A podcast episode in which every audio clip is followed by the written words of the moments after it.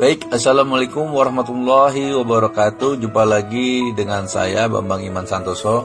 Kita lanjutkan percakapan obrolan yang kemarin Yang sebelumnya Mengenai generation gap. Ya, Jadi artinya Perbedaan usia itu bagaimana ya pengaruhnya e, Sebenarnya bukan sekedar Lettingnya atau generasinya Atau stylenya berbeda Tidak sekedar itu Tetapi memang apa sih ya kita mau di sini lebih banyak membahas dari perspektif neuroscience artinya dari perspektif brandnya masing-masing generasi itu kecenderungannya seperti apa kan gitu ya. Uh, kemarin kita sudah bahas ya bagaimana sebenarnya antara kolonial milenial wah antara ada generasi tradisionalis gitu ya ada baby boomer terus ada apa lagi generasi X generasi Y generasi Z mungkin yang baru-baru ini post Z seperti yang kita bahas sebelumnya oke okay. uh, eh, balik kita sudah sampaikan bahwa para senior nih ya mulai hari ini agar lebih ikhlas menerima kenyataan bahwa memang generasi semakin ke sini semakin lebih pintar dalam artian kapasitas otaknya res, responsif ya. Arti karena mereka memperoleh eksternal pushnya dari environment itu sangat kuat. Salah satunya penggunaan teknologi ya itu yang sangat ketat gitu ya yang sangat sangat intens gitu kan.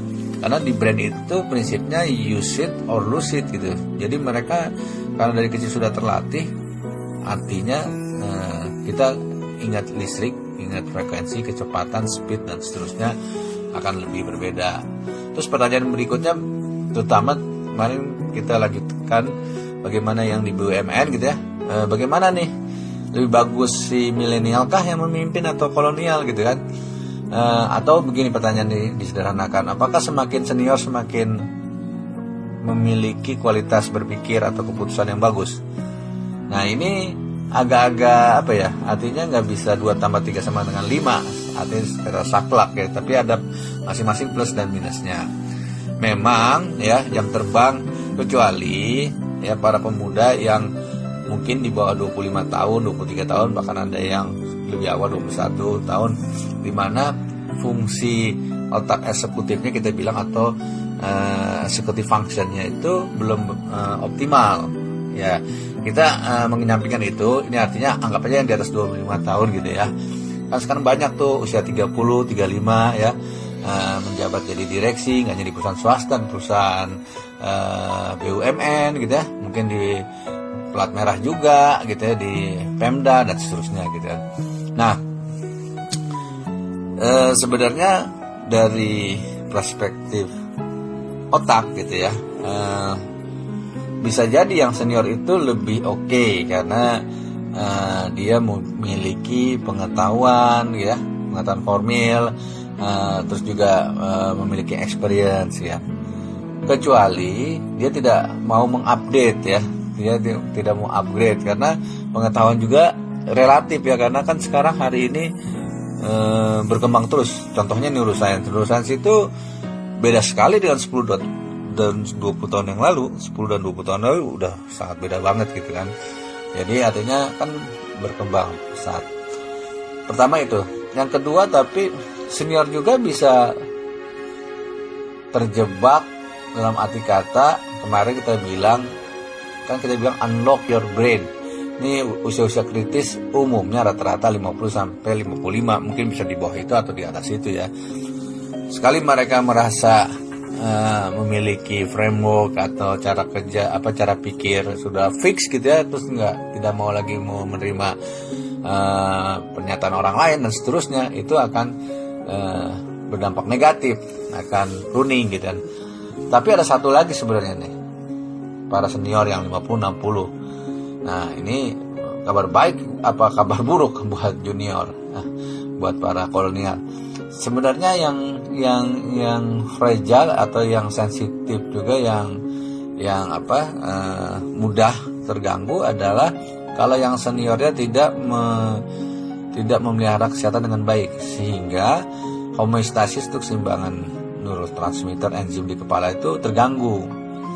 Jadi keputusan-keputusan itu bisa lebih emosional, bisa ya artinya ya, mungkin dibilang gampang baper atau segala macam ya. Seperti itu. Tapi satu sisi eh, yang junior juga kita kasih tahu kan kemarin bahwa eh, apa tuh hmm, sering lah sering sering mengupdate diri atau uh, gak usah malu gitu ya belajar sama yang seniornya dan seterusnya. Oke okay, uh, junior juga sering lihat nih senior ini kok lucu gitu ya aneh. Sementara senior juga sebel gitu emang apa sih dengan kata-kata milenial emang apa sih kan sama sama aja gitu dan seterusnya oke kita sudah mengenal ya tadi tradisionalis terus baby boomer generasi X, Y, Z gitu ya. Atau di komunitas kami di Indonesia eh, kita bikin buku diketuai oleh Dr. Tohid Nur Azhar ya. Eh, beliau yang memimpin itu kita beberapa orang menulis terus buku itu dinamakan judulnya dengan Gence Gence-nya diplesetin Gence gitu. G, G E N C E gitu. Sebenarnya plesetan dari generasi C. Generasi C itu generasi connected ya sering dipakai sama Profesor Sono nah generasi C ini maksudnya gabungan dari generasi X Y Z. Jadi ada milenialnya tapi ada YZ nya udah masuk gitu lah kira-kira. Nah kita bilang kan e, nanti generasi apa e, Y ini gitu yang di bawahnya generasi X e, kita bilang generasi Instagram atau Instagram generation terus yang di bawahnya lagi generasi Z itu kita bilang generasi Snapchat atau Snapchat generation.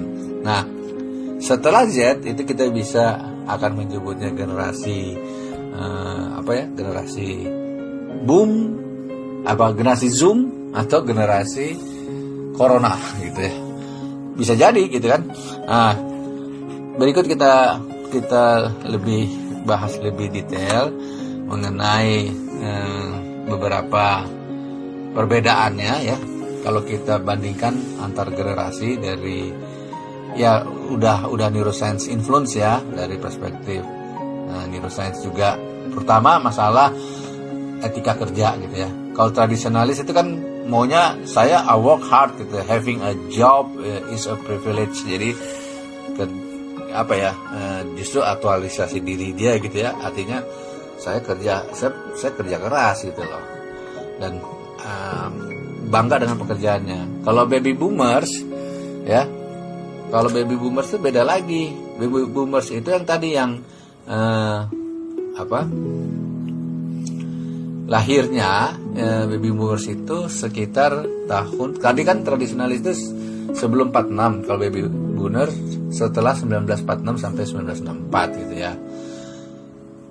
Itu beda lagi dia dia akan uh, dibilang I will work hard gitu ya and would like a prestige job. Jadi saya mau saya akan kerja keras gitu ya uh, dan uh, menginginkan apa kerja yang prestis ya jadi nggak sekedar ini aja tapi yang prestis. Kalau generasi X gitu ya ini yang lebih lebih muda lagi di atas 64 ya 1964 termasuk saya termasuk generasi X gitu. Masalah etika kerja dia akan bilang I will work hard with a flexible schedule. Saya akan kerja keras dengan jadwal yang fleksibel tapi kalau bagaimana dengan generasi Y generasi Y? Atau disebut next generation atau dibilang tadi apa Instagram generation dia bilang I will get the job done at my convenience dia bilang I change jobs frequently jadi mudah uh, apa kalau diberikan kerjaan yang monoton dia akan akan mudah berpindah e, kerja tempat lain. Generasi Z dan after Z kita nggak bahas karena rata-rata memang belum pada bekerja ya. Bagaimana dengan hubungan bekerja atau work relationship? Kalau tradisionalis ini dia akan merespek, dia akan hormat. I respect my overseers gitu ya. I keep to myself and get my work done. Artinya uh, saya akan kerjakan tuh dan dia kalau mereka kalau kerja tuh pasti nggak bisa tercecer harus dikerjakan sampai habis satu bagaimana dengan baby boomers baby boomers I want to work with a team to get more input and good results jadi instead of kerja sendirian dia lebih suka kerja bareng juga karena akan memperoleh beberapa input dan uh, uh, menghasilkan uh, hasil lebih baik. Kalau generasi generasi X atau uh, X generation ya, ini masalah hubungan kerja dia bilang working with others is okay. Jadi dia nggak ada masalah kerja dengan yang lain. But I don't intend to stay in one place too long. I have plans gitu kan. Jadi dia nggak mau dia nggak ada masalah dia tidak ada masalah generasi X ini untuk kerjasama sama yang lain tapi tidak mau terlalu lama di satu tempat boringan juga ya bosen juga gitu ya jadi bagaimana dengan generasi Y tentang hubungan kerja mereka bilang I have relationship with people all over the world gitu. jadi eh, dia banyak punya hubungan oleh macam-macam atau beberapa orang all the world ya yang bertebaran di muka bumi ini. I don't need to be close to college. I may only see them on a screen katanya. Jadi cocok ya. Artinya eh, tidak perlu dekat, yang penting saya bisa ngelihat hari ini mungkin bisa ngelihat di Facebook, bahkan sekarang udah menggunakan Zoom. Bagaimana dengan future tentang masa depan? Tradisionalis akan memandang I will probably stay with this job until I retire. Jadi dia akan start apa akan setia akan tetap kerja sampai memang benar-benar dinyatakan pensiun gitu kan. Kalau baby boomers enggak, dia akan bilang I will never retire. Saya nggak bakal retire. I want to keep my brain active karena saya akan tetap aktif, saya akan akan tetap ingin berkarya karena saya ingin menjaga uh, otak saya tetap aktif and I can't afford retirement. Ya kan? Jadi nggak ada kamus retirement. Pensiun nggak ada tuh di baby boomers. Di generasi X gimana? Uh, masalah kalau ngomongin future ya mereka bilang I, I will work with similar companies and try to get in on the ground floor or a new company. I want to make my money and retire young. Jadi artinya eh, kalau bisa pensiun lebih awal kenapa tidak gitu kan? Kalau generasi Y beda lagi. I want to come up with a way to get my job done faster because I don't want to work full time. Family time is important. Jadi value-nya udah, ber, udah bergeser. Dia uh, buat dia ngapain kerja sukses kalau keluarga berantakan? Kira-kira kayak gitulah. Nah bagaimana dengan masalah uh, pengaruh-pengaruh yang major? Atau kita bilang major influence ya. Buat tradisionalis ya ini wah itu uh, depression ya yang yang apa tekanan yang mempengaruhi. Tapi kalau baby boomers uh, gaya hidup dia tesnya dia segala macam sangat dipengaruhi oleh televisi. Jadi pada saat itu mungkin media belum banyak ya dan pasang iklan di televisi juga efektif karena sangat influence baby boomer tuh. Bagaimana generasi X? Beda lagi. Mereka sudah ada hadir namanya video games gitu kan ada komputer jadi influence-nya udah nggak cuma dari media tapi terutama dari komputer. Begitu ada komputer ada internet wah langsung lebih broad ya. Sekarang lebih mudah ya cari literatur dulu harus ke ke perpustakaan ya. Cari-cari kalau sekarang tinggal search browsing browsing search bahkan ada videonya ada ada bukunya dan lain-lain ada e-booknya dan seterusnya. Bagaimana dengan generasi Y? Y generation. Ini influence dia besarnya di blogs Twitter ya Instagram, Facebook, smartphone lah dan lain-lain gitu ya. Memang berbeda jadinya. Nah, sekarang kita ngomong tentang teknologi. Ini orang-orang tradisionalis yang tadi lahirnya sebelum 1946 ya. Berarti baru-baru bahkan Indonesia belum merdeka tuh kalau sebelum 1945 ya. Uh, tradisionalis akan bilang mengenai teknologi what gitu ya apa tuh gitu teknologi? Apa gitu? Kalau baby boomers akan bilang trying to get there. Dia akan coba menyesuaikan diri lah. Kalau generasi X I use it I lo I love it ya. Nah, jadi dia enjoy dengan menggunakan teknologi. Yang lebih parah lagi kalau makin ke sini generasi Y dia akan dia bakal teknologi dibilang I love it. Artinya saya hidup bersama teknologi itu. Dan yang terakhir nih uh, komponen value yang terakhir mengenai kesulitan difficulty ya. Kalau tradisionalis itu susah berubah. Jadi difficulty dia change ya. Kalau baby boomers uh, dia masih bisa berubah tapi lack of change. Nggak nggak mudah untuk berubah gitu loh. Bagaimana dengan generasi X? Generasi X ini problemnya, difficulty-nya adalah masalah loyalty dan trust. Jadi mungkin ya udah mulai gampang mudah pindah satu kerjaan ke yang lain gitu ya. E, tentang trust juga gitu karena mungkin ada pengalaman-pengalaman buruk sebelumnya. Generasi Y gimana? Difficulty-nya tuh masalah berkomunikasi. Berkomunikasi antar mukanya tuh sulit karena sibuk terus kan gadgetnya gitu loh gimana mau ngajak ngobrol kalau dia pegang gadget terus gitu nah itu yang menurut kami kira-kira yang e, menjadi signifikansi antara masing-masing gap apa masing-masing generasi. Nah kita kan sudah belajar neuroscience artinya memang every brand is unique gitu ya.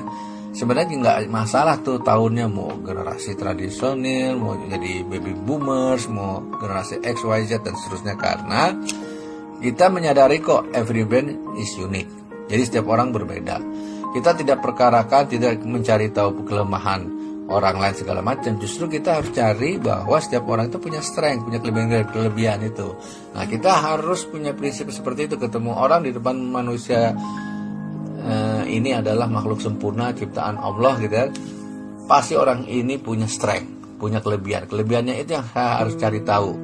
Sehingga kalau kita berjumpa lima orang aja, kalau masing-masing kita dapat strength dari masing-masing orang kan kita jadi mengkayakan diri kira-kira seperti itulah jadi itu yang uh, yang pertama. Terus yang kedua uh, pastinya memang berbeda. Uh, dari generasi ke generasi tadi value-nya beda suasananya beda kemajuan infrastruktur segala macam kan berbeda. Yang mempengaruhi mainnya dia mempengaruhi pikiran dia. Ya tadi kita udah ngomong ya mereka usia 4-5 tahun udah bikin video bisa ngedit bisa download software sendiri di mobile apps atau di uh, apa di smartphone.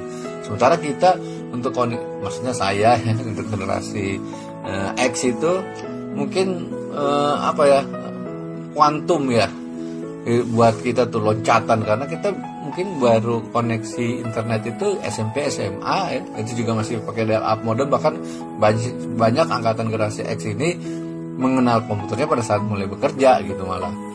Jadi seperti itu menurut saya e, banyak nih plus minusnya masing-masing. Yang penting kita tetap fleksibel gitu ya.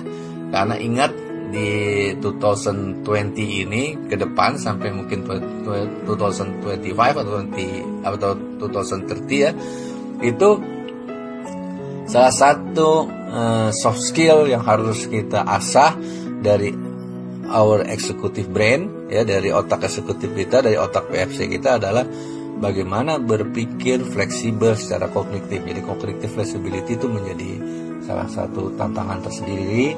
Selain juga dengan kita harus belajar tentang emosional uh, apa emosional leadership, emosional uh, management dan seterusnya ya.